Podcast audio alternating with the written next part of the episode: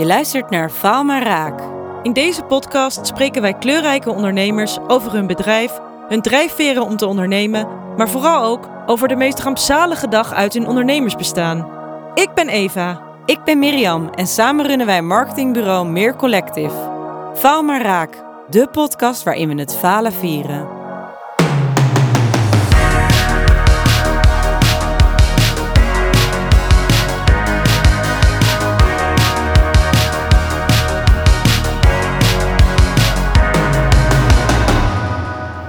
En welkom weer bij Faal maar Raak. En vandaag hebben we een hele leuke gast waar we heel veel zin in hebben. En eh, we kennen haar ook heel goed. En het is een ondernemer waar we heel erg naar opkijken.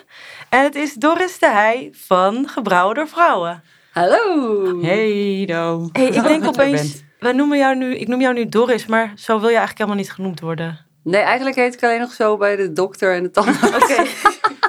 nee, ik kort het bijna altijd af naar Do. Ja. ja. Do is ook een leuke naam. Vind ja, is net wat vlotter. Dus ja. dode hij. Misschien dat we dit er nog uitknippen. Maakt niet uit. Dat zien we vanzelf. Um, Do, zou jij kunnen vertellen uh, aan onze luisteraars wat jij doet en welk bedrijf je hebt, met wie, et cetera? Yes. Uh, ja, ik ben Do. Ik ben 37 jaar en ik heb nu acht jaar een biermerk gebrouwen door vrouwen. Samen met mijn zus Tessel. Uh, we zijn begonnen gewoon in ons keukentje en nu ondertussen is het een landelijk biermerk geworden. Gebrouwen door vrouwen. Ja. Echt leuk. Hoe lang geleden was dat dan ook weer dat jullie begonnen? Ja, we begonnen in 2013 met brouwen. Echt als hobby. Dus dat was nog echt wel voor de craft beer revolution. Ook in een badkuip, toch? Ja, in een badkuip, in, de, in een keukentje, in een grote pan. Overal in mijn kleine huisje stond bier op een moment. Ja. dat is echt niet normaal. Maar um, ja, dus dat was heel leuk. En een beetje pionieren en uitzoeken hoe het precies werkt. Want het was toen nog niet echt een gangbare hobby om uh, je eigen bier te brouwen. Tegenwoordig is het wel iets normaler, gelukkig. Dus het is wel, ook wel leuk dat die hobby heel erg is gegroeid. En mm -hmm. überhaupt natuurlijk speciaal bier, de aandacht daarvoor is echt mega gegroeid. Ja. Dus we zaten lekker in die wave... Uh, van de, van de craft beer hype. Op het goede moment ja. gestart. Ja, op het goede moment gestart met, met gewoon brouwen voor de lol. En toen we twee, nou, twee jaar later hadden we twee recepten die altijd wel lekker werden en goed lukten. En precies toen we dus de markt op gingen, ja, was er ook die uh, steeds meer aandacht voor. En uh, steeds meer cafés die een speciaal bier kraan gingen draaien. En uh, de supermarkt die opeens een schap ging maken voor speciaal ja, bier. Precies. Dus dat was wel fijne timing, ja. Ja, want ik kan me ook herinneren toen wij uh, jong, echt jong waren, dat toen dronken mensen veel minder speciaal bier. Ja, wel eens een, ja, ja, je ouders, die een ja. trippel of zo dronk, maar niet dat wij heel erg bezig waren met spe speciaal bier. Is dat nu onder jongeren dan ook ja, heel erg echt, veranderd? Dat als ja. je begint met, weet je, met bier drinken, dat je dan ook sneller een speciaal biertje bestelt? Ja, zeker. Ja, ja, ja. ja en was toch ook tijdens corona een baby op het... Uh, op dat plein daar. Oh ja, precies. Ja, ze hebben er zelfs een afkorting voor nu. Dus ja, uh, ja de baby's. Ja. Als een soort ESMA. Baby's drinken, ja. Ja, oh ja wat grappig. Wat ja. leuk. Ja, nee, zeker. Ik denk dat heel veel, ook juist uh, meiden die gebrouwen door vrouwen drinken, die zijn echt al wat jonger dan toen wij zelf begonnen met craft beer drinken. Inderdaad. Ja, ja, klopt. Ja, bij ons was het wat re relatief wat ouder. Ja. Pils was het bij ja. ons altijd. was ook goedkoper. Mm. Is het natuurlijk nog ja, steeds. het was niet hip toen. Nee. Nee, grappig is dat. En hoe, hoe zijn jullie erbij gekomen om het bedrijf echt te starten? Dus dat jullie dachten, nou oké, we beginnen eerst even met wat leuk wat experimenteren als een hobby in een badkuip of in een uh, grote pan. En wat was het punt dat jullie dachten, nu gaan we echt nou, hier een bedrijf uitbouwen? Of is dat vanzelf zo gelopen? Um, ja, best wel een beetje vanzelf zo gegaan. We, hadden, we hebben twee jaar lang dus gebrouwen en toen hadden we wel twee recepten, vooral een triple die we wat vaker maken. Die hebben jullie denk ik ook wel eens geproefd. Zeker. Tricky triple. Tricky triple, ja. En van Love die grote it. flessen zat hij toen. en dan gaven we een feestje of we gaven er een keer eentje weg voor iemands verjaardag. En toen is op de een of andere manier een van die flesjes bij een kroegeigenaar in handen gekomen. En die had ons toen uh, ons nummer gevraagd aan diegene waarvan hij het had gekregen. En die Mhm. zei, oh my god jongens, dit uh, bier, dit wil ik gewoon op mijn tap in mijn kroeg. Ja, En Zo toen ja, zaten Tessel en ik zo, oké. dat is wel leuk, maar wij weten eigenlijk niet zo goed hoe we dat moeten doen. Want we kunnen niet op een fust afvullen. Dus eh, ik denk dat je nog even moet wachten. Ja. Maar hij was heel vasthoudend en hij bleef ons maar bellen. Dus toen, eh, ja, toen hij voor de derde keer of zo vroeg, eh, kan het al? Toen dachten we, ja, het zou ook wel heel vet zijn. En toen begonnen we een beetje Ja. te dromen over ons eigen wit bier of onze eigen trippel. Mm. Op het terrasje in de zon van de tap. Ja, En eh, ja, toen hadden we eerst nog uitgerekend, oké, stel dat je wel thuis op een fus kan afvullen, dat je daar allerlei dingen voor koopt. Hoeveel kan je dan maken? Maar dat is, ja, je maakt dan 20 liter per keer. Een fus is 20 liter, dus dan kan je ongeveer één fus per week maken. Ja. Want het kost je wel de hele dag om te brouwen. Dus dat was eigenlijk echt geen optie. En je moet natuurlijk ook accijns betalen. En je Ja. moet aan de HCCP-regels voldoen. Dus het was best wel eh, onhandig om dat thuis allemaal te gaan Ja. doen. En toen kwamen we een beetje in de wereld van het eh, loonbrouwen terecht. We ontdekten eigenlijk dat er brouwerijen zijn die niet per se een eigen biermerk hebben, maar gewoon hun ketels beschikbaar stellen voor allerlei soorten Ah. bierbrouwers. En dat is, lo- hoe noemde je dat? Loon. Loonbrouwen. Loonbrouwen, ja. oh ja. Of eh, gypsy brewing, noemen ze het ook wel. Ah. Huurbrouwen La- laptop brewing, huurbrouwen. Ja. Ja. Ja, dat zijn heel veel dezelfde namen daarvoor. En er had je eentje in eh uit Geest, de Noord-Hollandse bierbrouwerij. Mhm. En daar kon je al vanaf 500 liter je eigen bier maken. Eh, want als je naar de wat grotere brouwerijen gaat, dan is het vaak wel minimaal 10.000 of zelfs Ja. 600.000. Zoals het bij Palm volgens mij. Ja. daar hadden jullie toch ook nog naartoe gebeld. Ja. Van, Kunnen wij eh, wat bier bij jullie brouwen? En toen was het minimum afname 600.000 liter. Ja, dat Tessel via de Albert, mijn zus die werkte bij de Albert Heijn op het hoofdkantoor. Die had via de bierafdeling een nummer van de directeur van Palme gekregen. Wel hem maar even of je daar misschien wat bier kan brouwen. Nou, die man die is moest realistisch. heel hard lachen. Ja, wij vooral. Ja, 600.000 liter. Maar sowieso, Ja. ik bedoel, wat zei je nou net? 200 liter? Wat was het minimum? Wat je bij die- 500 liter. 500 Ja, dat was maar dat was best ook best wel spannend, Ja. denk ik. Als je begint met eh, 20, 20. liter in een, in een badkuip. Mhm, Ja, zeker. En dat, dat was ook nog... Het was wel best moeilijk om een plekje te vinden. Omdat het was dus een beetje het begin van die craft beer hype. En er waren heel veel groepjes mannen die kleine bedjes wilden maken. Dus hij zat Mm. eigenlijk al een half jaar vol. En toen eh, hadden we hem een mailtje gestuurd. Brouwen met vrouwen. Mogen anders een keer komen kijken. Want dan weten we in ieder geval hoe het werkt. Ja. En toen had hij teruggebeld. Ja, ik heb een uitvaller, maar dat is wel dit weekend. En het zijn wel twee bedjes van 500 liter. Willen jullie die plekjes hebben? Ik heb eigenlijk een wachtlijst, maar ik wil elke keer brouwen met vrouwen. Mhm. Dus dat was ook meteen ons eerste voordeeltje als vrouw in de mannenwereld. had je Ja. toen de naam ook al gebrouwen vrouwen? Nee, nee, Nee. dat eh, hebben we toen een beetje daar, daar denk ik bedacht. We hadden het er wel eens over gehad. Oh ja, we zijn weer lekker gebrouwen door vrouwen bezig. Ja. Als we weer buurman en buurman praktijk aan de hand Ja, waren. ja, ja, ja. ja. Dus die naam wisten we wel dat we die leuk vonden. Maar mensen die in de marketing werkten, die vonden dat allemaal helemaal geen goede naam. Omdat het best wel lang Oh, is. grappig. Gebrouwen door vrouwen. Ah. Past niet zo goed in een logo of op een menukaart. Ja. Dus zij zeiden eigenlijk, de meeste mensen zeiden, je kan het beter brouwerij blond of Ja, ja, ja. zus. Of, Kort. Ja, madame. Iets met wel vrouw en bier of Amsterdam. Maar kort inderdaad. En dan is dit je payoff. Dus Ja, ja, ja, zoals ja. met Nike, just do it. Ja. Zo, dat is dan gebrouwen door vrouwen. Brouwerij Blond, gebrouwen door vrouwen. Ja, dat. Ja, Maar zelf waren we elke keer bij die, bij die bedachte namen dat het heel erg eh, onecht voelde. Ja, ja. Ja, Pega-zus. Oké, ja, we zijn zussen. En dan kan je wel een leuk paard erop zetten. Maar Ja. het voelt heel En wat kunstmatig. heb je met dat Ja, paard? ja, dan, weet je wel? nee. En dan is dat zo Nee. bedacht van, oh, we moeten een naam bedenken. Maar dat voelt dan helemaal niet echt. Ja, precies. Ja, Nee, en gebrouwde vrouw is ook zo lekker nuchter, zoals jullie ook zijn. Gewoon een gebrouwde vrouw. Het heeft Ja. iets heel krachtig en iets...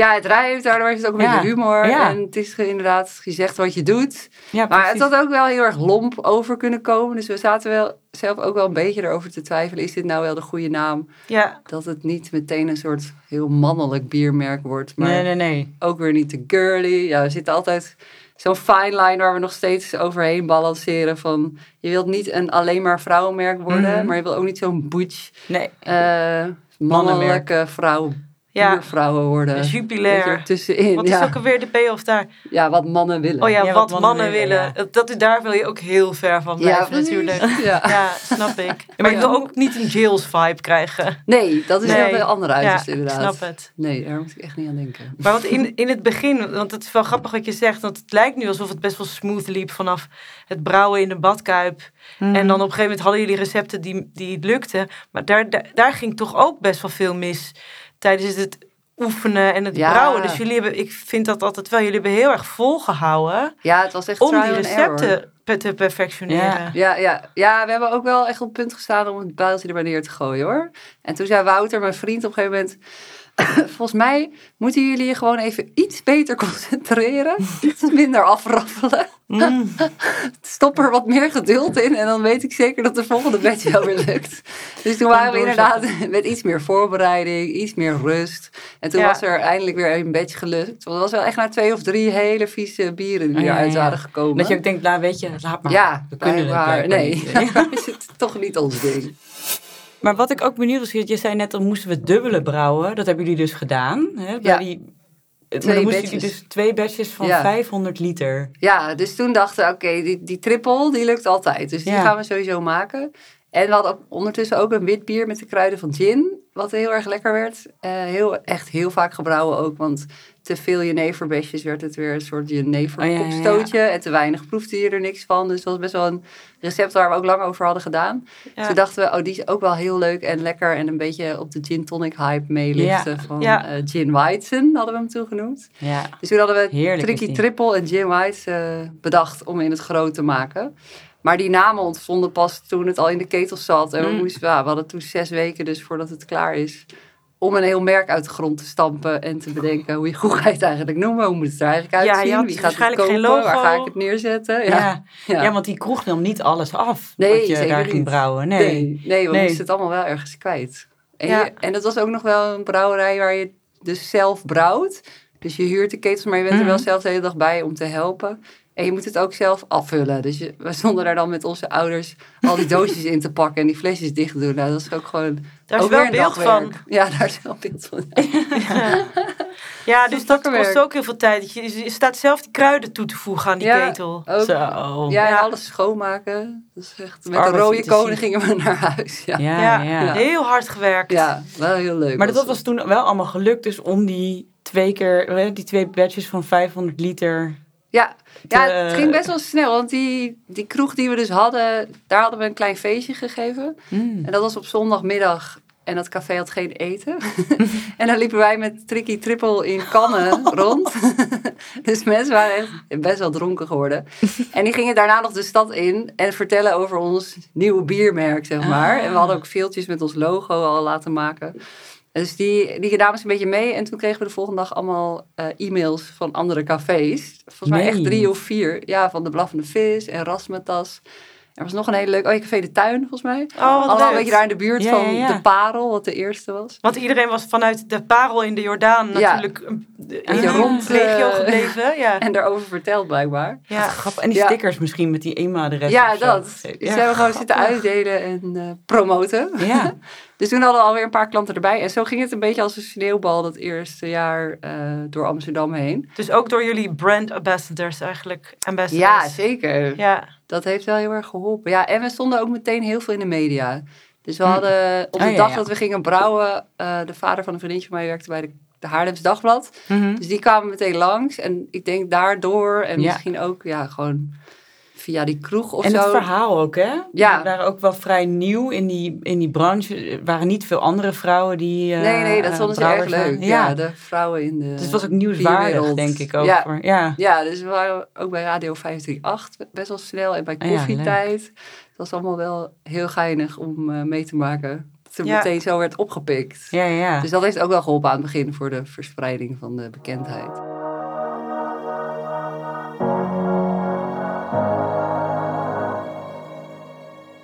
Ja, was jij eigenlijk altijd al. Zat je altijd met het idee om te gaan ondernemen? Of is dat iets wat echt ook met dit idee is gekomen? Of was jij altijd al zoiets van: "Ah, het lijkt mij heel vet om een keer eigen onderneming te starten? Mm, Ja, ik heb het wel altijd met Wouter over gehad. Eh, we wilden eigenlijk een horecazaak starten in Spanje. Dus daar zijn nog ter info, hè? Wouter is jouw Man. vriend. Man, Man, oh ja, sorry, jullie ja, zijn ja. getrouwd. Ja. Ik was er zelf bij. Ik zei zelf ook vriend hoor. Nee. Ja. het klinkt zo heftig, man. Ja, Maar ja, bij man, dus we zijn een tijdje in Spanje gaan rondreizen om een eh, strandtent te openen. Dus dat was wel al een manier van vrijheid. Ja, eh, ja, de, waar, wat je alleen al als ondernemer volgens mij kan bereiken. Dat je op een gegeven moment financiële vrijheid hebt en eh, Mhm. wat minder kan gaan werken. Je bent lekker flexibel en eh, je kan helemaal alles zelf bepalen. ja. ja. Dus dat wel heel erg, maar niet per se toen dat niet doorging, wist ik eigenlijk eventjes niet zo heel goed wat ik eh, wilde doen. En toen was het bierbrouwen echt wel een hobby die uit de hand is gelopen. Ja. En nooit een eh, intentie gehad om een eigen bedrijf te starten. En Nee. al helemaal niet met Tessel. Dat was natuurlijk helemaal... eh, Ja, Ja.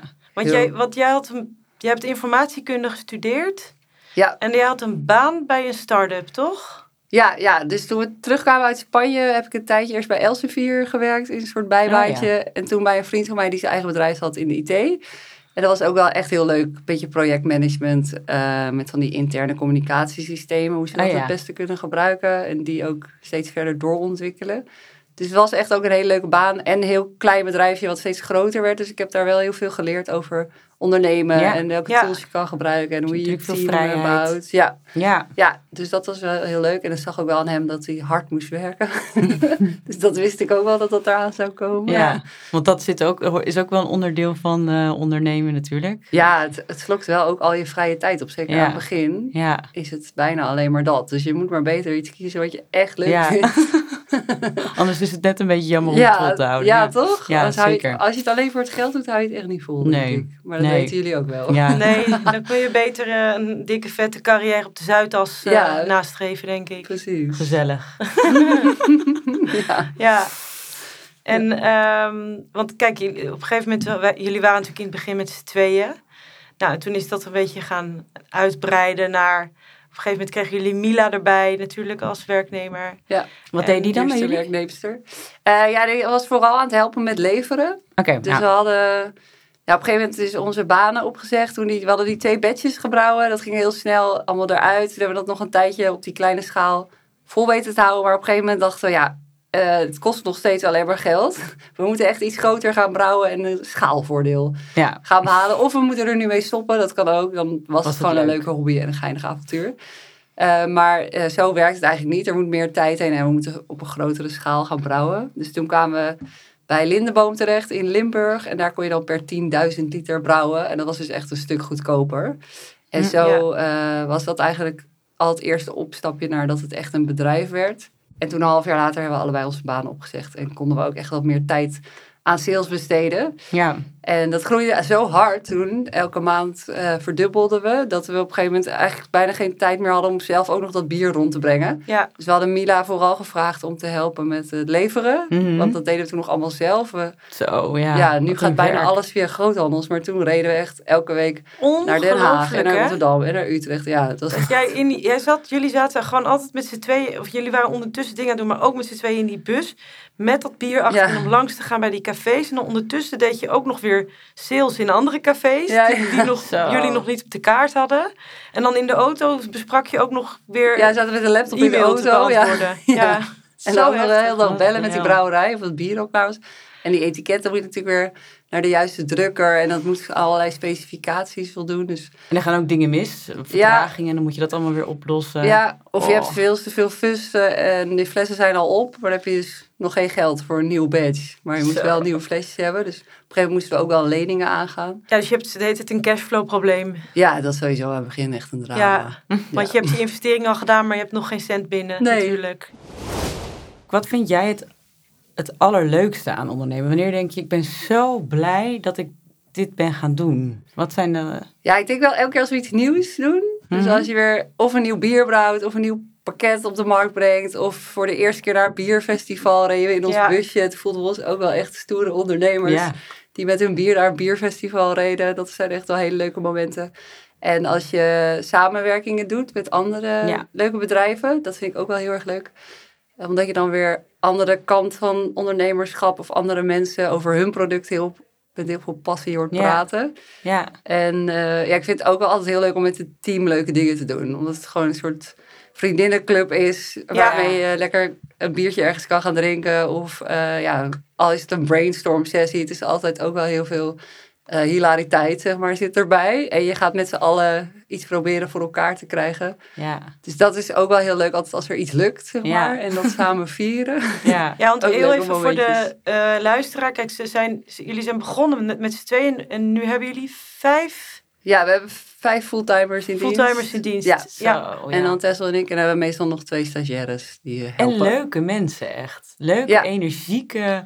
Ja, het knap hoe zeker. jullie dat eh Zijn ook heel blij mee. vonden, Ja. Ja, het zijn echt toppers. ja. Heel gezellig. Heb je, heb je het gevoel dat er op de dagelijkse basis nog veel dingen misgaan? Of heb je het idee van het loopt best wel op rolletjes? Ja, nou, het bedrijf loopt wel op rolletjes. We hebben Fenna die gewoon wel niet perfectionistisch is, maar wel een stuk secuurder dan wij zelf zijn. Mhm. En goed vooruit kan denken en gewoon heel veel regelt. Wat we Ja. zelf dan niet zo leuk vinden. Zij houdt het overzicht heel ja, erg. heel goed. En ook vult de juiste formulieren op de juiste manier in en dat Ja. soort dingen. Dat is echt heel fijn.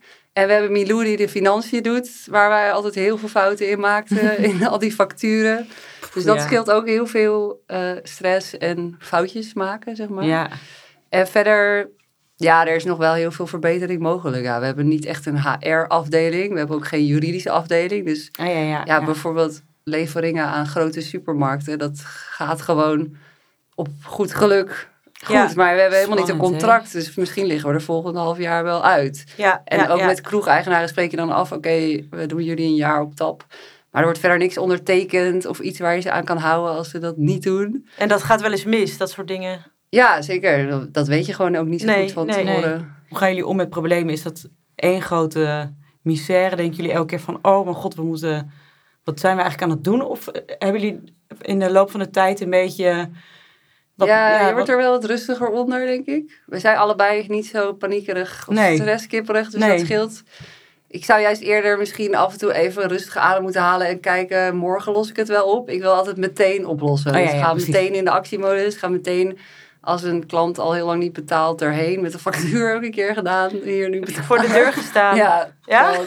echt? Ja, of als er iets, iets niet goed is, meteen erachteraan. Meteen wil het eigenlijk oplossen, anders kan ik niet slapen s'avonds. Ja, Ja. Dus dat was ook wel toen corona hitte heel moeilijk. Omdat ik het niet zelf meteen kon oplossen. Ik moest Nee. echt wachten. En ik had zo erg hoofdpijn. Ik kon gewoon drie weken echt niet slapen. Het was Ah, verschrikkelijk. Ja, en de meeste problemen, omdat het je eigen bedrijf is en je zelf alles doet en hebt gedaan, kan je het ook wel zelf weer oplossen. ja.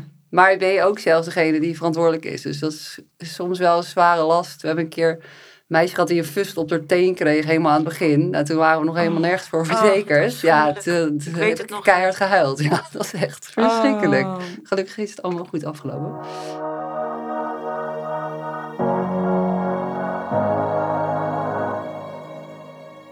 Nou, we zitten elkaar aan te kijken, want we willen allebei eh, de, de belangrijkste vraag van de podcast stellen. En je zag ons zo kijken. En we zitten naar elkaar te kijken, zo van, ga jij hem stellen of ga ik hem stellen? Eh, meer, stel jij hem maar. Ik vind het eigenlijk wel heel mooi als jij hem stelt. Oh, oké.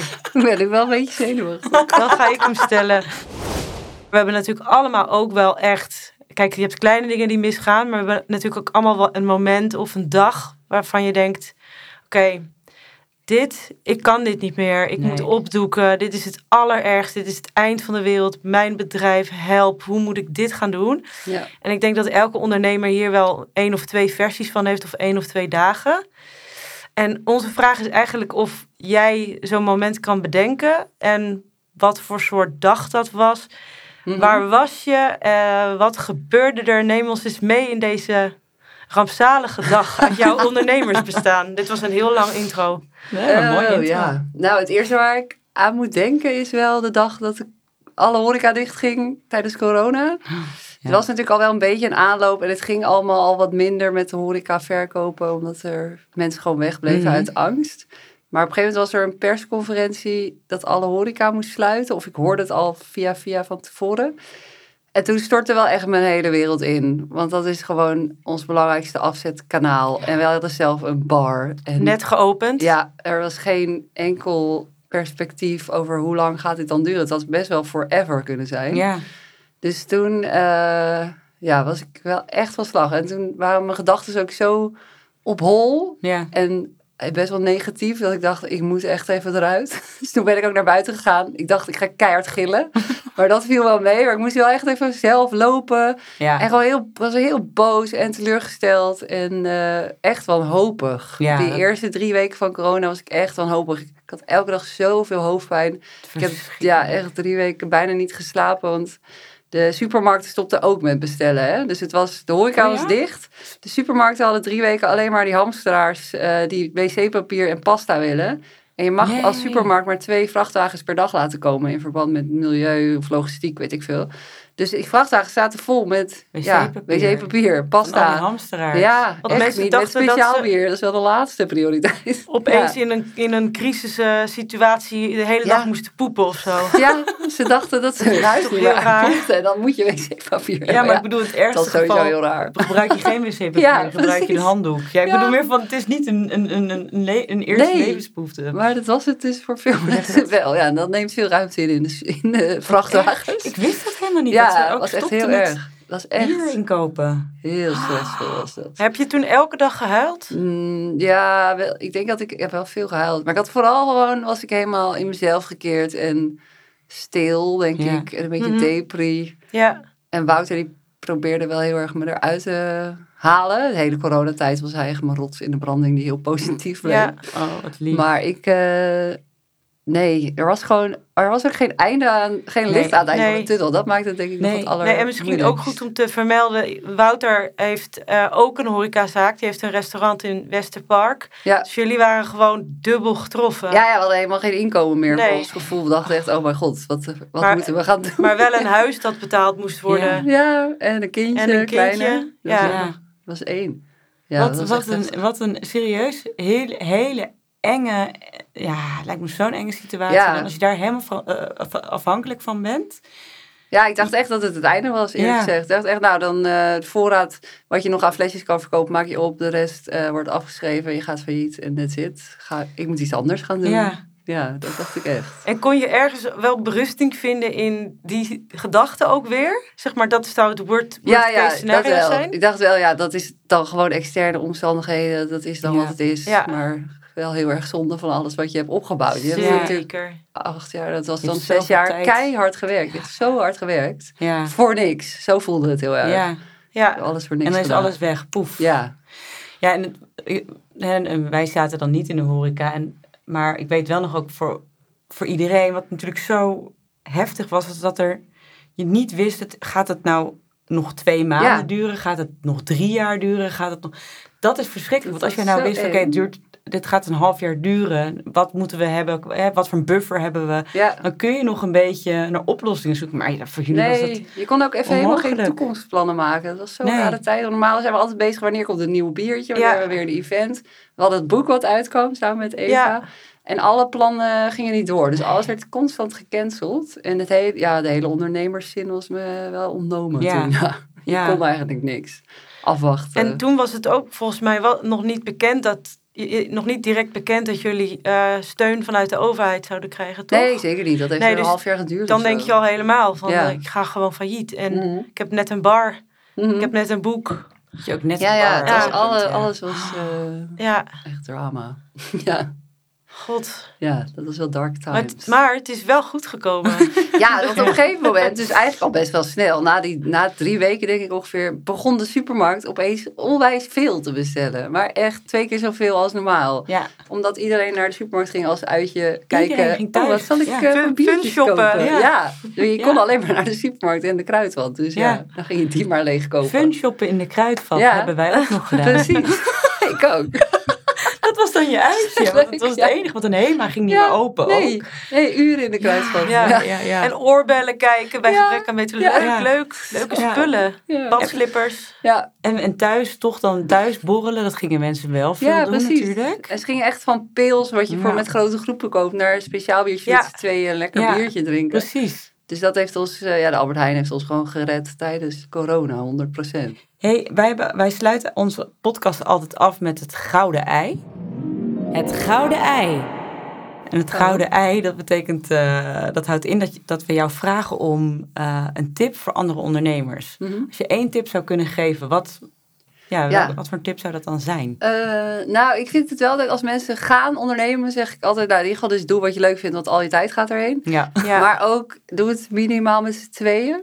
Ja. Dat zullen jullie ook wel merken. Oh, wat een goede tip. Het is Ja. zoveel leuker ja, om dingen te kunnen delen die misgaan, maar ook die goed gaan. Ja. En het is de enige persoon in je leven die echt begrijpt wat je aan het doen bent. Ja, En je hebt elkaar gewoon echt nodig. In de Ja. dark times vooral. Als die ene even helemaal er doorheen zit. Ja. Dat hij een weekje vrij kan nemen. Dat die ander even Ja. alles overneemt. Ja, Dus dat zeg ik wel altijd. Ik, ik heb ook wel vriendinnetjes die in hun eentje ondernemen. En dat zegt ze zelf ook altijd. Ik mis gewoon echt een Precies. compagnon. En dan Ja. proberen ze die alsnog te zoeken. ja. Maar dat is heel moeilijk om iemand nog te laten aansluiten bij wat jij al helemaal hebt gebouwd als Omdat baby. wel helemaal jouw DNA erin zit. Ja. Dus als het enigszins kan, zou ik altijd wel aanraden om er iemand bij te nemen. Vind ik echt een goede tip. Ja, Een hele leuke ook echt tip, zo. ja. Ja. Ja. Zeker. Is, het is ook gewoon echt zo. Ja. Het is zoveel gezelliger. ook in je- alles zo intern te verwerken. Precies, Dat je bent de enige dan die elke beslissing moet Ja. nemen. Oh, dat is wel best. Met z'n Ja. tweeën vind ik het al zwaar om zo elke Ja. dag al die beslissingen te maken. Ja. Ja, Nee, goede Dus eh, ik hoop dat er iemand het Dat is het ook. oppikt. Al is het ook weer heel moeilijk om een goede compagnon te vinden Ja. hoor. Dus Ja, je je moet, wij wel- hebben natuurlijk mazzel allebei.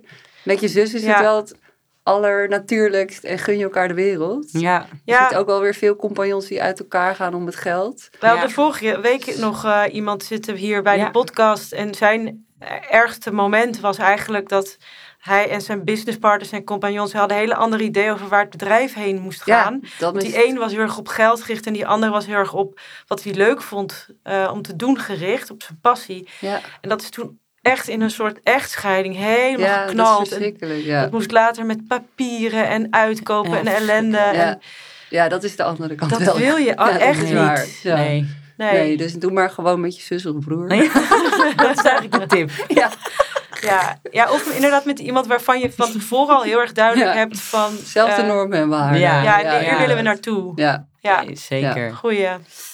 Nou, Nou, heel erg leuk, eh Do. Superleuk om je vandaag in de podcast te hebben. echt leuk. Dan heb ik nog een tip voor de luisteraar. Ehm Jazeker. Ook voor mij?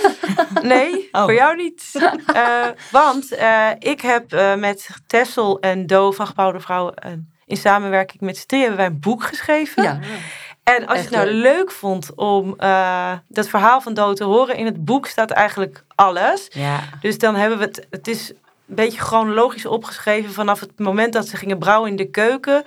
tot het moment dat de bar open ging. Eigenlijk, doos, wel grappig... we zijn gestopt. Het verhaal is gestopt voor corona. ja vlak voor Dat corona, ja. staat niet in het boek. Nee, en het Oh, kwam wel uit in coronatijd. Ja. Ja. dat was gek. kwam uit in coronatijd, inderdaad. Ze konden het ook Ja. heel slecht promoten, helaas. Ja. Maar mocht je dit nou een leuk verhaal vinden... eh, het boek Gebrouwen door Vrouwen is te koop bij bol.com... en in allerlei boekwinkels. ja, gewoon als je het online... eh, en ik vond het echt leuk om te Ja. lezen. Ja, het leest echt als een trein Ja. weg. En je hoort ons bijna praten als je het leest. Dat Ja. is wel, je hebt Eva heel goed gedaan. Het is echt heel Ja, leuk. zeker. Ja, Grappig en er staan best wel wat leuke tips in over brouwen en over ondernemen. Ook voor ondernemers. Ja, Ja. zeker. zeker. Ook over ondernemers. Echt leuk. Ja, dus dat kan je ook nog doen natuurlijk. Hij is er ook als e-book. We- Misschien kunnen Ja, we de link de even in de show notes eh, ja, laten we dat doen. Ja.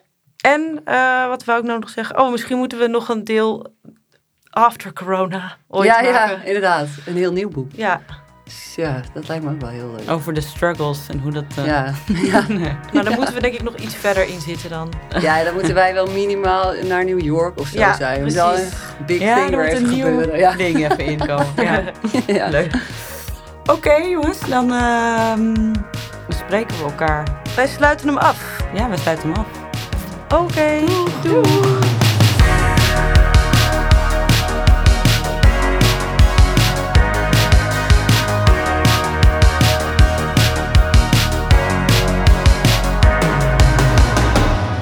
Dan spreken we elkaar. Ja. Heel dom. We zien elkaar eh, woensdag alweer. Faal maar raak. De podcast waarin we het falen vieren.